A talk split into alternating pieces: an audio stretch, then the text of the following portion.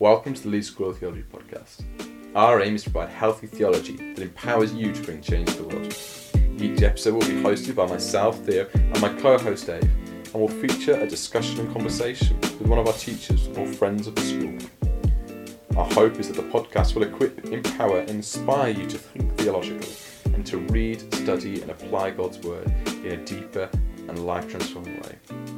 We hope that you enjoy listening to the conversations that we have and check us out at leedsschooloftheology.org.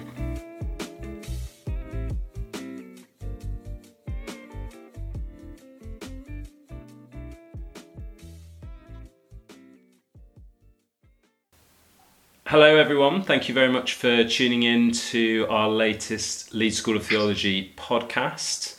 This is number six in the series so far. And today we have uh, Ian Galloway, founding pastor of City Church in Newcastle, speaking with us about eschatology, the end times, what happens at the end of all things. Um, which is a, a, very simple topic, mm. one that we can breeze through in a couple of minutes. Yeah. No, no weird concepts here. No, no weird concepts at all. Um, I really want to encourage you, if you're tuning in for the first time, to check out the other podcasts that we've done with some of our other guest teachers who come into Leeds School of Theology. And if you think that they're good and you want to share them with your friends, then please do do so. Uh, we'd love people to be interacting with these different theological topics and getting their theological brains in gear. Um, so, without further ado, I'm going to welcome uh, Ian Galloway to the Leeds School of Theology podcast. Hello, Ian. Lovely to see you. Hello, everybody. Thank you so much for having me. Um, Ian, uh, I was going to kick off with a question about eschatology. I'm actually not going to do that. I'm going to kick off with a question about you. Could you give us a, a 30 second introduction to Ian Galloway, the man, the legend? 30 seconds is challenging. Uh, yes. So I was born in London. I moved to Newcastle in 1977. I became a Christian in my first year. I came here to study medicine. I became a Christian. I had, in my second year, a powerful experience of the Holy Spirit. And in my third year, God called me to ministry. Um, I, with a group of six of us, we started City Church in 1986, and I've been leading it ever since. That is great. Um, just a quick question on that then. Did you did you finish your medical degree? No, I did a three years, and I did a one year research degree and got a got a degree in medical yeah. science. Yeah. Uh, which was a sort of crumb of comfort to my poor parents. no, I, I, I never became a doctor. No. no. But you could. Have, I married. I married one instead. Yeah. There you go. This can add to the achievements. It's similar. To, we, we think that featuring on a Leeds School Theology podcast is similar to achieving a, a medical degree in terms of achievements oh. open to open to open to humanity. Yeah. It's an epic thing. it is. okay, Ian. So um, eschatology. So for those people who are listening, eschatology refers to the the study of those things that happen in the end times, the end of all things a particular area of interest for you, Ian, something you come and teach on very passionately and excellently at Leeds School of Theology. Um, for some people, speculation about what's going to happen at the end of time just may feel a bit pointless and can often end up in quite weird places or weird ideas. What what would your response to that be? What's the point of studying eschatology? Yeah, it's a, it's a very good question. Unfortunately, the sort of teaching, popular teaching on eschatology has been very speculative. That's been the dominant voice, um, particularly from places like America. Um, the Left Behind series mm. is a mm. multi-million seller. It's very sensational. It's very dramatic. Yeah. It's quite dark. Mm. Uh, you know, lots of bad things are going to happen. Yeah. Um, and we all like a good story, don't we? I think one of the reasons it's it's so popular is because we all like movies. Yeah, and it is we now a movie, so you you don't even have to read the books anymore. You can watch it with Nicolas Cage. Well, there you go. Um, we love a Hollywood film. We love, um, you know, a bit of excitement and drama and darkness and mm. a bit of violence and yeah. triumph of good over evil after a desperate struggle we love all of that. And I think that's played into teaching in eschatology, but also I think the culture of fear. Mm, interesting. You know, we there's something in us that likes anxiety Mm. and difficulty and you know a big beast arising and something bad happening. And you know depending on your politics the big beast can be assigned to some nationalistic right-wing rabble rising supposedly free market figure. Or if you've got different politics you can assign a big beast figure to the socialist state controlling minority persecuting left wing figure and Yeah. you know, this actually it's a modern problem, but it's also a historic problem. People, Mm. Christians have been doing this for ages, assigning events in a speculative manner to eschatology, and um, a little bit of history saves us. I think Yeah, it saves helpful. us from all of that because just imagine that if you had that mindset. Uh, what would it have been like when the Vikings invaded? Mm. and were, you know, burning their way through the east of England? Or what would it have been like when the Black Death swept Europe and a third of the population died? If you had that mindset, you could have assigned um, your eschatology to all of those events. But actually, Jesus makes it very, very clear it's going to be like Noah. Mm. It's going to be normal life right up until the end. People being married and being given in marriage and working right up until the end. And the parable of the weeds and the and the weed, the weed and the weeds, sorry, in the field, there's going to be good and bad happening all the time, right up to the end. As I like to say, there's going to be the crop and the crack in the field Yeah. right up till the end when the angels are sent out and the harvest comes and so good theology and this includes eschatology empowers us to live well that's that's its aim Mm. it empowers us to love God, to seek the kingdom, to care for the poor, to serve the church, to live life like Jesus. And if your eschatology doesn't help you do that, if your eschatology is just empty speculation, then it's probably wrong Mm. it's probably wrong. And I think a lot of things that have been, you know, sold and taught under the banner of eschatology are actually probably wrong. Yeah. But they're they're kind of popular because we all love drama and movies and darkness and fear. Yeah. Yeah. They preach well, as it were. Yeah, they do. That's you know, eschatology is about, you know, what happens when I die. It is about the resurrection of the dead and the judgment of the nations and the renewal of all creation. It is about those kind of big themes of things to come. Mm. But all of those things feed back into life now and they help establish us in, you know, what I would call a kingdom mindset. They help us live well now if we treat them properly. Fascinating, fascinating. I'm really interested in that then, Ian, in terms of you're saying that eschatology is what empowers us to live, or good eschatology empowers us to live well, and you've drawn a bit of a, uh, a contrast between a theology of, or an eschatology of fear, and a, perhaps an eschatology of, of, of, of hope, maybe. And Yes. and sometimes people can think, well, actually, no, fear is the best motivator because fear really gets people going. Mm-hmm. and Yes. but actually, if if if is actually over the long term, what's you know what's the one what's the thing that empowers us to live well? Is it is it an eschatology of fear, or or is it an eschatology of of, of hope? Well, clearly, I'm against fear. Uh, perfect love casts out all fear. Uh, and I don't think eschatology creates any fear. It, it creates a very, very powerful hope, definitely. And, um, you know, I, I love Tom Wright's book, Surprised by Hope. Um, we actually, our church appears in the foreword of that book. And um, it's, it's just a wonderful way of seeing how when you see what the future is going to be like, okay, that brings you into a place of real hope, substantial, mm. concrete, life changing hope. But also, what good eschatology does is it shows you that the future has invaded the present. And in fact, the future has invaded the past. Mm. So, eschatology isn't just something that is going to happen, it's something that's happening now.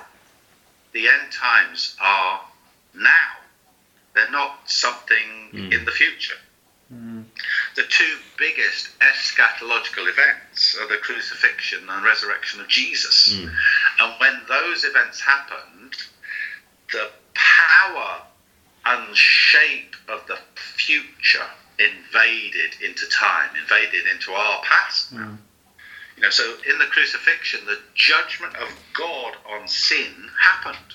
It's the judgment of God on sin has already happened in Christ, and that's the future judgment has been declared now, and that's why I can live a life of forgiveness of sin.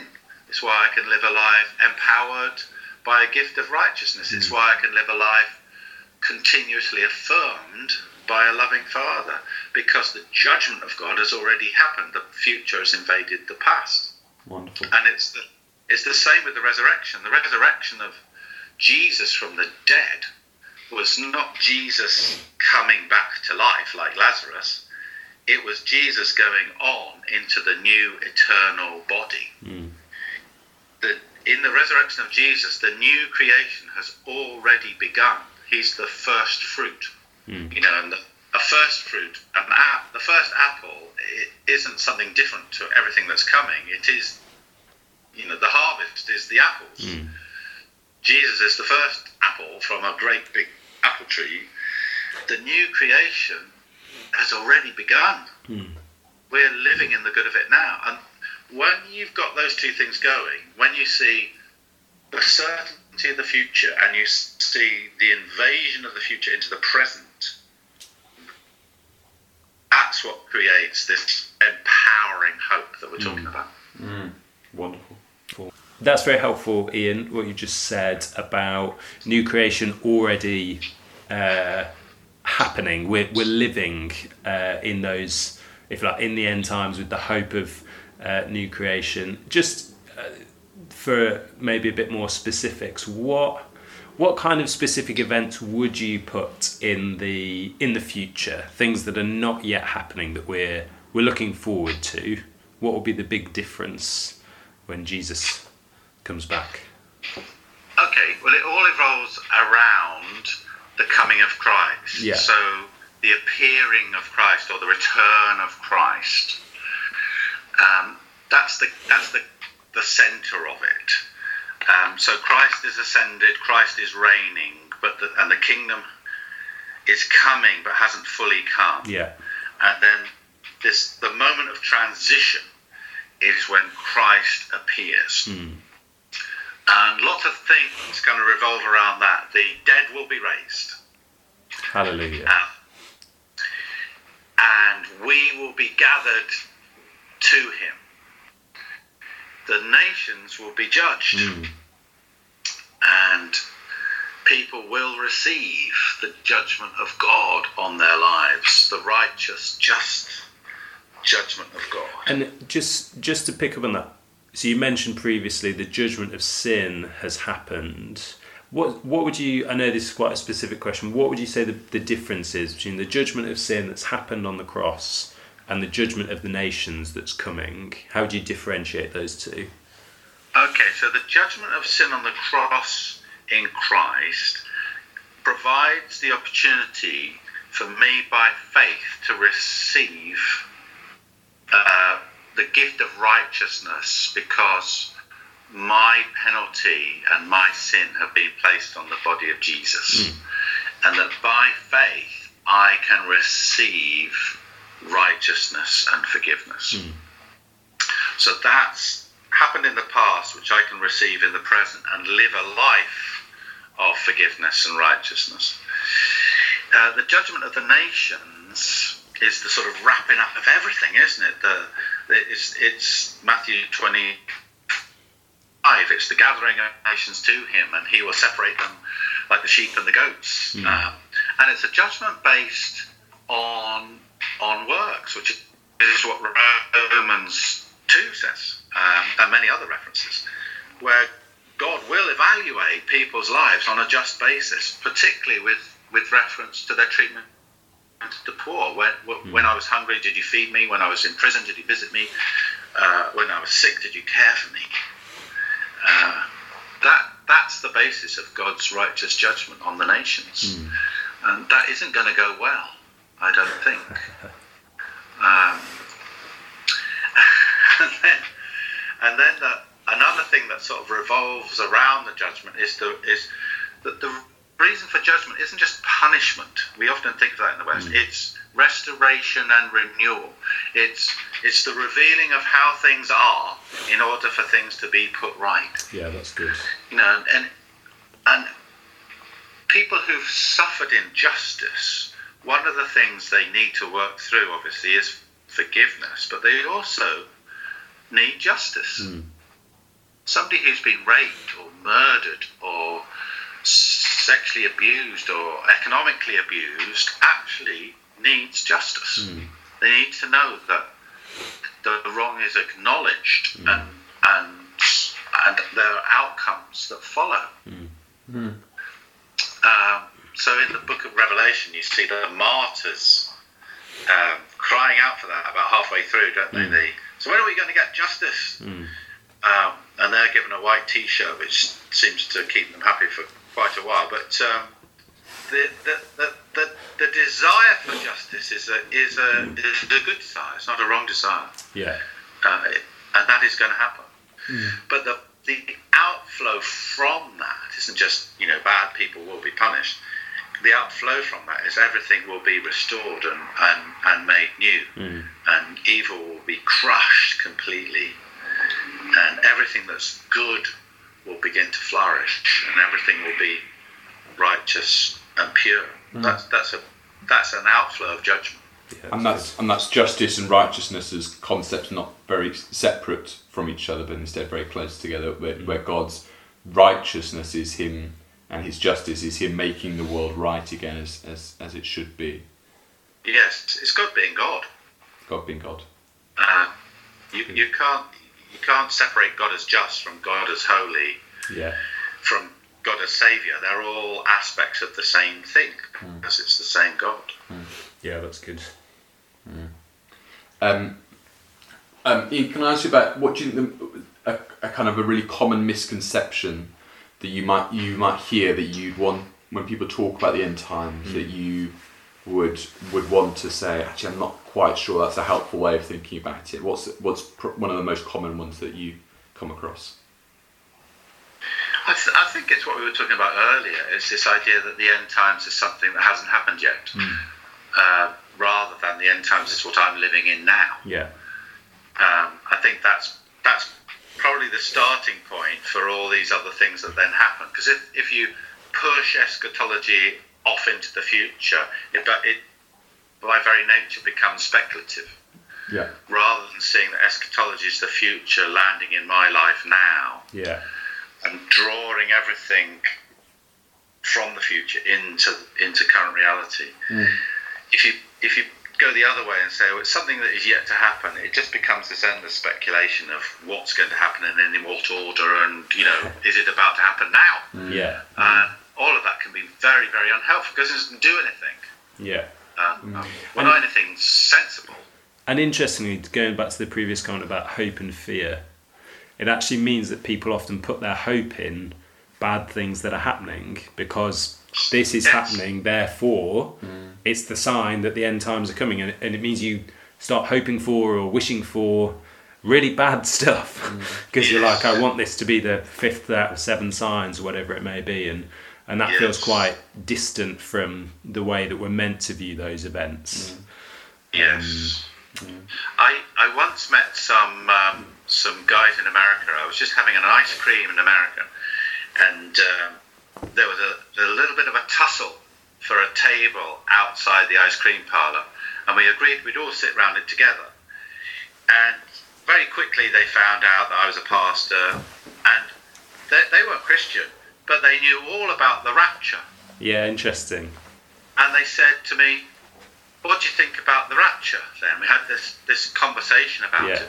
I said, well, you do know that that's like a very modern idea that came up in the in the sort of 19th century, and uh, it's only people in America who believe in it. Really, the Yeah. rest of the church around the world don't don't believe in it. Yeah. The church sort of escaping from the terrible bad stuff that's going to happen, Yeah. And they were shocked Yeah. by that. Interesting. And they actually Facebooked all their friends saying, the rapture is a 19th century idea. Uh, we're, we're having a conversation with the pastor from England in an ice cream shop. And I asked them, why do you think this is so popular in America? And they said to me, this thing we've been talking about, they think it's because Americans love fear. Yeah. Yeah. They, they live in this culture of fear and bad things are about to happen. I, and they said a lot of advertising for medical, um, Yeah, you know, for, for Yeah. medicines is based on fear Yeah. and puts fear into people in order to sell them medicines. Yeah. Loads of stuff works in that way. Yeah. Uh, yeah, amazing. Fascinating. Um, uh, we when we were talking about the this bit between the, the hope in the and in the present, I was reminded of one Peter one, which is a wonderful verse. In the, pra- the praise be to the God and Father of our Lord Jesus Christ. In His great mercy, He has given us new birth into a living hope through the resurrection of Jesus Christ from the dead. That's a sense in which the the living hope and the new birth have have in some sense already happened. We have this this new birth, and yet there's also this idea of the salvation is ready to be revealed in the last times. But it's it, and but it's, it's it's it's Peter encouraging people to to live differently, to live to live holy lives, to to live lives of um, almost as if the as if the future is here here and now, and that this new birth and this living hope are a, are a reality that that, be, that has been brought into the present, rather than simply a, a speculation of things to come. Yes, I mean, I, I think that we I use that uh, passage in in the, the, the teaching day. The, the whole timeline is there: the past, the present, and the future, all all being treated as one thing. Um, so the new birth is, is is my present. The resurrection of Jesus is my past, and the the the salvation that's ready to be revealed is is my future. But they're all tied together. They're all, they're not different things. They're aspects of the same thing. Yeah. And the purpose of seeing reality like that is that I might live a, a good life. I might live a Christ centered life. I might live a, a holy life. I might endure suffering with faith. Um, all of those things. So it that that sense of the last days are happening now, the future's invaded the present, in order to empower me to live, that's all there in, in 1 1 Peter, Peter. 1. And, you know, in many other places as well. I, Isaiah 2 is the same. Yeah. Uh, it, there- there's, there's lots of places. Once you've seen it, you can see it everywhere, basically. Yeah. Um, uh, I'd love to just to, uh, ask about uh, uh, something I hear a, a lot, which, uh, which is around this idea of uh, this kind of the, the most important thing is kind of my eternal soul, and uh, and and that's the thing that's gonna that's gonna go away when I die. My body kind of just doesn't doesn't matter. I think doesn't matter as much. What do you do? You see that in in in scripture? This idea of this eternal soul being the most important thing is that some, a biblical concept for you or? No, I think that's that's a misreading based on our worldview. Um, so you've got to you've got to get back into a biblical worldview of, of what is it what does it mean to be me? What does it mean to be a person? And yes, I am uh, a living soul, aren't I? I'm, I'm I'm created by God to be a living soul. I'm I'm alive, but I'm alive in this body, and um, I'm a unity. You know, I'm a, I'm a duality somehow of of conscious, emotional, intellectual existence, Yeah. memory, and all, and analytical power. But I'm living inside a body, and you can't, you can never separate them and mm. still have me. Mm. And the idea of eternity, the idea is based around the idea of resurrection from the dead and the mm. renewal of creation. Yeah. And so we will be living embodied existence in a real place. Now, at that point, it all gets a little bit foggy because you know what does that mean hmm. in a new creation? One truth is none of us know, and the Bible doesn't say much about it except to hint that it's going to be great. but but the the idea of disembodied existence is is not an, is not for eternity. Disembodied existence is in what the theologians call the intermediate state, the sleep of death, or the paradise. But following that, and the, the, the information we have on that, that bit of it is very sketchy indeed. Following that, resurrection from the dead is into an embodied existence. Um, and it will be more real. Everything will be more real than is now. That, that's the way to look at it. Yeah. The new creation is going to be more real, more beautiful, more self-sustaining than it is currently. And so if go on, go on, you you're gonna say something. Oh, oh no! Interrupt me! Interrupt me. So so if you, good, good eschatology empowers us to live well, and a you're saying that the new creation state is an embodied state, embodied creation. Yes. How does that empower us? Just a, an implication or two of how does that empower me to live well today? Very, very question. So I was, I was watching um, a documentary on this and on, on the life of C.S. Lewis actually with my son. He was about 17 at the time. And John Polkinghorne is a very famous Christian scientist, not a scientist who is a Christian rather, uh, rather than somebody who belongs to the sect called Christian Science. Um, he said the new creation will be so self-organizing it will never decay. Hmm. Hmm. Because we are subject to decay. Everything is entropy. Everything is falling apart. Everything is breaking. Everything is becoming disorganized. But the new creation will be so self-organizing it will never decay. I turned to my son and I said, Joel, go and tidy your room. It's a new creation act. so the idea of bringing beauty and order and structure to current reality, which we're doing all the time. You know, when I'm doing the washing up, I'm bringing order back into the chaos of the kitchen. Hmm. That's new creation in a very kind of faint echo of something much more Yeah. powerful to come. Yeah. You know, when I'm when I'm when people are healing the sick or, or mending their bike, you know, we're we're bringing order and beauty back into life. Hmm. That's Yeah. eschatology. And that's it's really interesting. Just as a, a slight aside, it's really interesting given the rise of somebody like Jordan Peterson, who is providing a kind of way of life for hmm. you know eighteen to thirty four millennial guys. So much of his stuff just orientates around Order.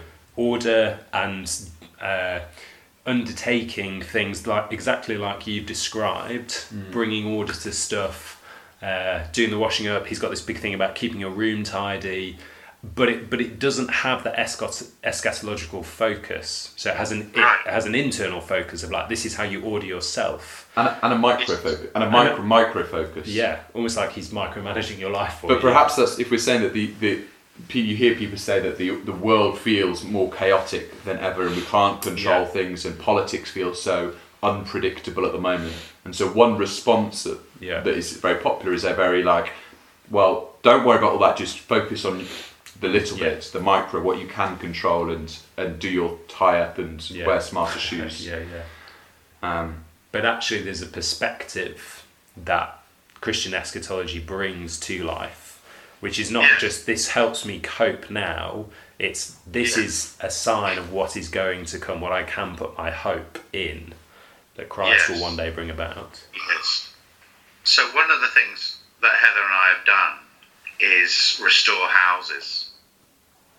And I've always seen that as me participating in some small way in what's to come. Yeah, It is a bit more nuanced than just, you know, arranging your pens in order and stacking your teacups properly. I I once went to an exhibition at the um, Modern Art Gallery we've got in, in Newcastle called the Baltic. And um, it was this incredible exhibit where somebody had, on a very large gallery floor, created a chessboard shape, you know, Yeah. with black and white squares. and in each one had put a, a pebble from the beach. Mm. And it reminded me of an Excel file, and I particularly like Excel, where you just get everything organized into its little cell. Mm. You get all your finances or all your, your, your projects organized in your Excel file. I love doing that. And actually, when you this was on such a gigantic scale, when you look down, it was all you know a pebble in in a square. When you looked across, it looked like a beach. Yeah, interesting. And I felt God say to me, What do I do, here?" I mean, it scared the hell out of me. What do I do, here? Do I do beach or do I do Excel? And I, it just challenged that Mm. overord, overorder can actually be disorder. Yeah. And God's sense of order is different too. It's above and beyond our sense of order. A beach Yeah. is very ordered, but it's also quite disordered. It's Yeah, very, yeah. very interesting, and I, I'm, that's that's lived with me ever since. And so I'm, I am a bit careful. I like order, but I'm a bit careful as to what's true order and Yeah, it's what's helpful. Yeah, that's really helpful. and implications for uh, Boston. That's things there. Can we um, can we shift gears a bit, Ian? A- And I'd like to do some just some kind of quick fire questions with you. Um, Okay. Probably a bit more, bit more uh, personal uh, and stuff like that. Is that all right? Of course. Um, Ian, you've led a church or for, for a number of years. If you had, um, and, and involved in leadership in different ways actually, so I might reframe this question slightly. What piece of advice would you would you give to someone starting out on a, on a leadership journey or, or in church leadership, if that's a, uh, Yes. Yes. So I've been I've been the lead pastor at City Church for 33 and a third years. And Good good order that has, isn't it? That's a nice order. I, it's great, isn't it? I I enjoy every day. You know, I've been, I, I I enjoy what I do and, and who I am. The thing I would say is being a being a church leader, being a pastor, is a boundaryless existence. Um, the only boundaries are the ones you will put in place yourself. People are always getting saved and falling away. People are always getting healed and getting sick and dying. People are always doing well and having difficulties. People are always reading the Bible and not reading the Bible. People are always wanting to be discipled and not wanting to be disciples. It's it's never ending. Um, the only boundary you'll have in your life is the one you create. And so having your own relationship with Jesus and having the time and the space and the energy to have your relationship with Jesus and to know how you have your relationship with Jesus, that is something you have to create the boundary for that to happen. Loving your wife, if you're married like I am, as Christ loved the church and gave himself for her. Um, only I can put in place the time and the energy and the space to do that properly. Uh, and you know, whatever your key relationships are, whether you're married or single or man or woman, you know, whatever your friendships are and your key relationships are, only you can put in place the boundary to invest in those relationships and to nurture them. Yeah. You know, children, if you have them, um, you know, the kids know that I work hard. They do. But they know that I work hard because that's the right thing, not because the nasty church took me away from them. So, you know, I work 60 hours a week, sometimes more, and that's because, you know, somebody in my church who's a headmaster, he's working and volunteering in our church. I want to at least match him because I'm both an staff person and a volunteer, aren't I? So I, I work hard. But it's not because the church has just taken everything. And I want the kids to know that. And that means playtime, it means reading, it means watching films together, it means bike rides, it means holidays, it means swimming, you know. Uh, and, and the same is true of rest. You know, carving out the time you I need to rest and recreate and enjoy my life. Only I can do that because the church won't do it for me. Um, and to sustain a long term ministry, you need all of those other things in place. That's really helpful. Um, you know, so last weekend we went off to, Shake, to, to York. We saw two Shakespeare plays. In October, I'm going diving in Egypt. In in March next year, I'm planning a big holiday to the Philippines. You know, all of that kind of thing.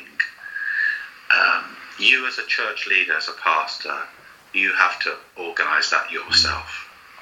Good. Yeah, Uh, and my life, my life has been full of church, but my life is not church. Yeah. It's not the church. Um, you know, I love the church, but who I am and, and, and what my life is about is not the church. Yeah, it's good, Ian. Really helpful.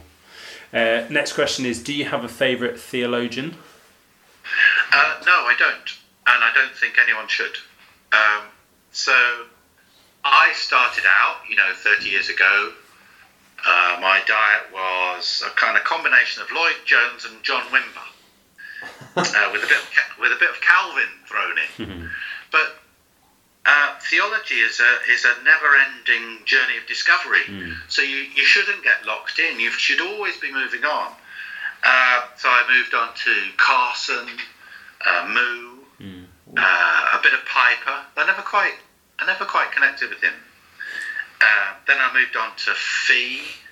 Very good. Um, uh, It's a big N.T. Wright became a big feature of my life. I think at any one time in your life you should have favourites, yes, but not for your whole life. Yeah, So Tom Wright, I mean, he, I would call him a friend. yeah, Uh, I would call him. I, you know, I'm privileged to call him a, a, a friend. Um, so you know, New Testament and the people of God. I mean, just blew my mind off. It was. I read that on holiday. It was just life changing. Um, but also Beale, you know, Temple and the church, Church's Mission. What a great book that is. Um, Jimmy Dunn. Uh, his commentary on Galatians, similarly life changing yeah, his book on baptism in the Spirit, which was actually his PhD, published as a book, yeah. similarly life changing. And then you just keep moving on, you know, people like Thiselton, Bauckham, and then probably people that you haven't heard of that I like and I've, I've discovered. Um, Ashton on John, Kostenberger on John, Culpepper on narrative theology. I've even read a bit of Bultmann. You know, when I was when I was a young leader, Bultmann was like the enemy of, Yeah, of yeah. evangelicalism. I've actually read some of him, and he's not. Yeah. He's not. The, Yeah, yeah. He's not. He, he had a world view, but he's not the enemy of what of the gospel. yeah, Um, one of my favourites at the moment is uh, is Sandra Schneiders. She's an 80 year old Roman Catholic lady who lives in Berkeley, California. Wow. Brilliant. Uh, Jesus Risen in Our Midst. Brilliant book. Um, Kevin Giles, Yeah. yeah, yeah. You know, is is the Son eternally subordinate to the Father? yeah, yeah, Big current debate, very interesting. Like him. Uh, Hans Frei. yeah, um, Torrance on the Trinity, Rowan Williams. I read um, uh, The Wound of Knowledge. Uh, brilliant little book. I read that on holiday. I remember So- he, he does he does write little books, Rowan Williams. Yeah, you think yeah. of him as this kind of big thinker, but uh, being Christian, I thought was just a fantastic book on, on the subject. Read that the. And I like what you said there, Ian, that about one particular author that they're not the enemy, and that can be the easy way of thinking about theologians. You have people that are on your side and people that aren't on your side, and you only read those who are on your side. And actually, most of the stuff you read, there's going to be something in there that will be helpful and provocative and challenging and refining, and there'll be stuff in most of the stuff you read that you'll disagree with and not be sure about, or won't be where you're at at the time. And actually, voices from across the, the Christian spectrum and the theological spectrum aid us and help us, and we can learn from so many different voices and perspectives. Very, very, very important. Both contemporary voices, but also historic voices. Yeah, yeah, that's good. definitely. Um, and uh, you know, I have to say, above all, I read the Bible. So I read the Bible more than all the theological books put together. That's good. Good tip. Well, I think it's a good discipline for somebody in my in my role. Yeah. And I, I remember as a as a young lad of I don't know twenty two or something, hearing you do some teaching, and you said uh, something that's always stuck with me, which is read the Bible more than you read theological books, but also when you read a theological book, look up the reference Yeah. that gets quoted, Yeah. and uh, and I still do that, and I do find that so interesting that you can go through a book and you think they've made really valid points, and then when you look at the references, you think. Well, actually, no. I don't think that the text is saying what you Yeah. what you said it's Yeah. saying, or sometimes it is, and it's saying way more than I thought it was saying. And uh, your um, your desire to make sure things are rooted in scripture and having that overarching narrative of scripture but also the, the detail on different texts has always stuck with me as a particular strength Oh. of your teaching Oh, So I've achieved something. you can pay me It's- you can pay me later It is scary. I find it scary to this day. To this day, I find it frightening how many people use a proof texting approach to scripture to, to support their argument, and yeah it does nothing of the kind. yeah Yeah. yeah yeah Yeah. I find that really frightening. Yeah, yeah, yeah, yeah. Um, Ian, um, and we, we had more that we wanted to say, but I think we we've we've we've gone on long enough for now. Yes. For now, but um, thank you so much for um, yeah for all um, for all of your wisdom that you've you've shared with us today, and when you and the way in which you've served us at, at Leeds School Theology over, over the years. We uh, we really love having you Yeah, as, as part of our teaching team. Thank you for having me. and uh, enjoy enjoy all that the, the future holds as you as you in your future in your future founding pastoral. That's a that's an eschatolog- eschatological statement there, isn't it? You're the, the future founding pastor. It's it's, it's there and, and the, The timelines are all getting joined up. Yes. Yeah, yeah, Thank you. yeah, Thank you. I'm looking forward to it. yeah, yeah. God see you. Bye. Bye.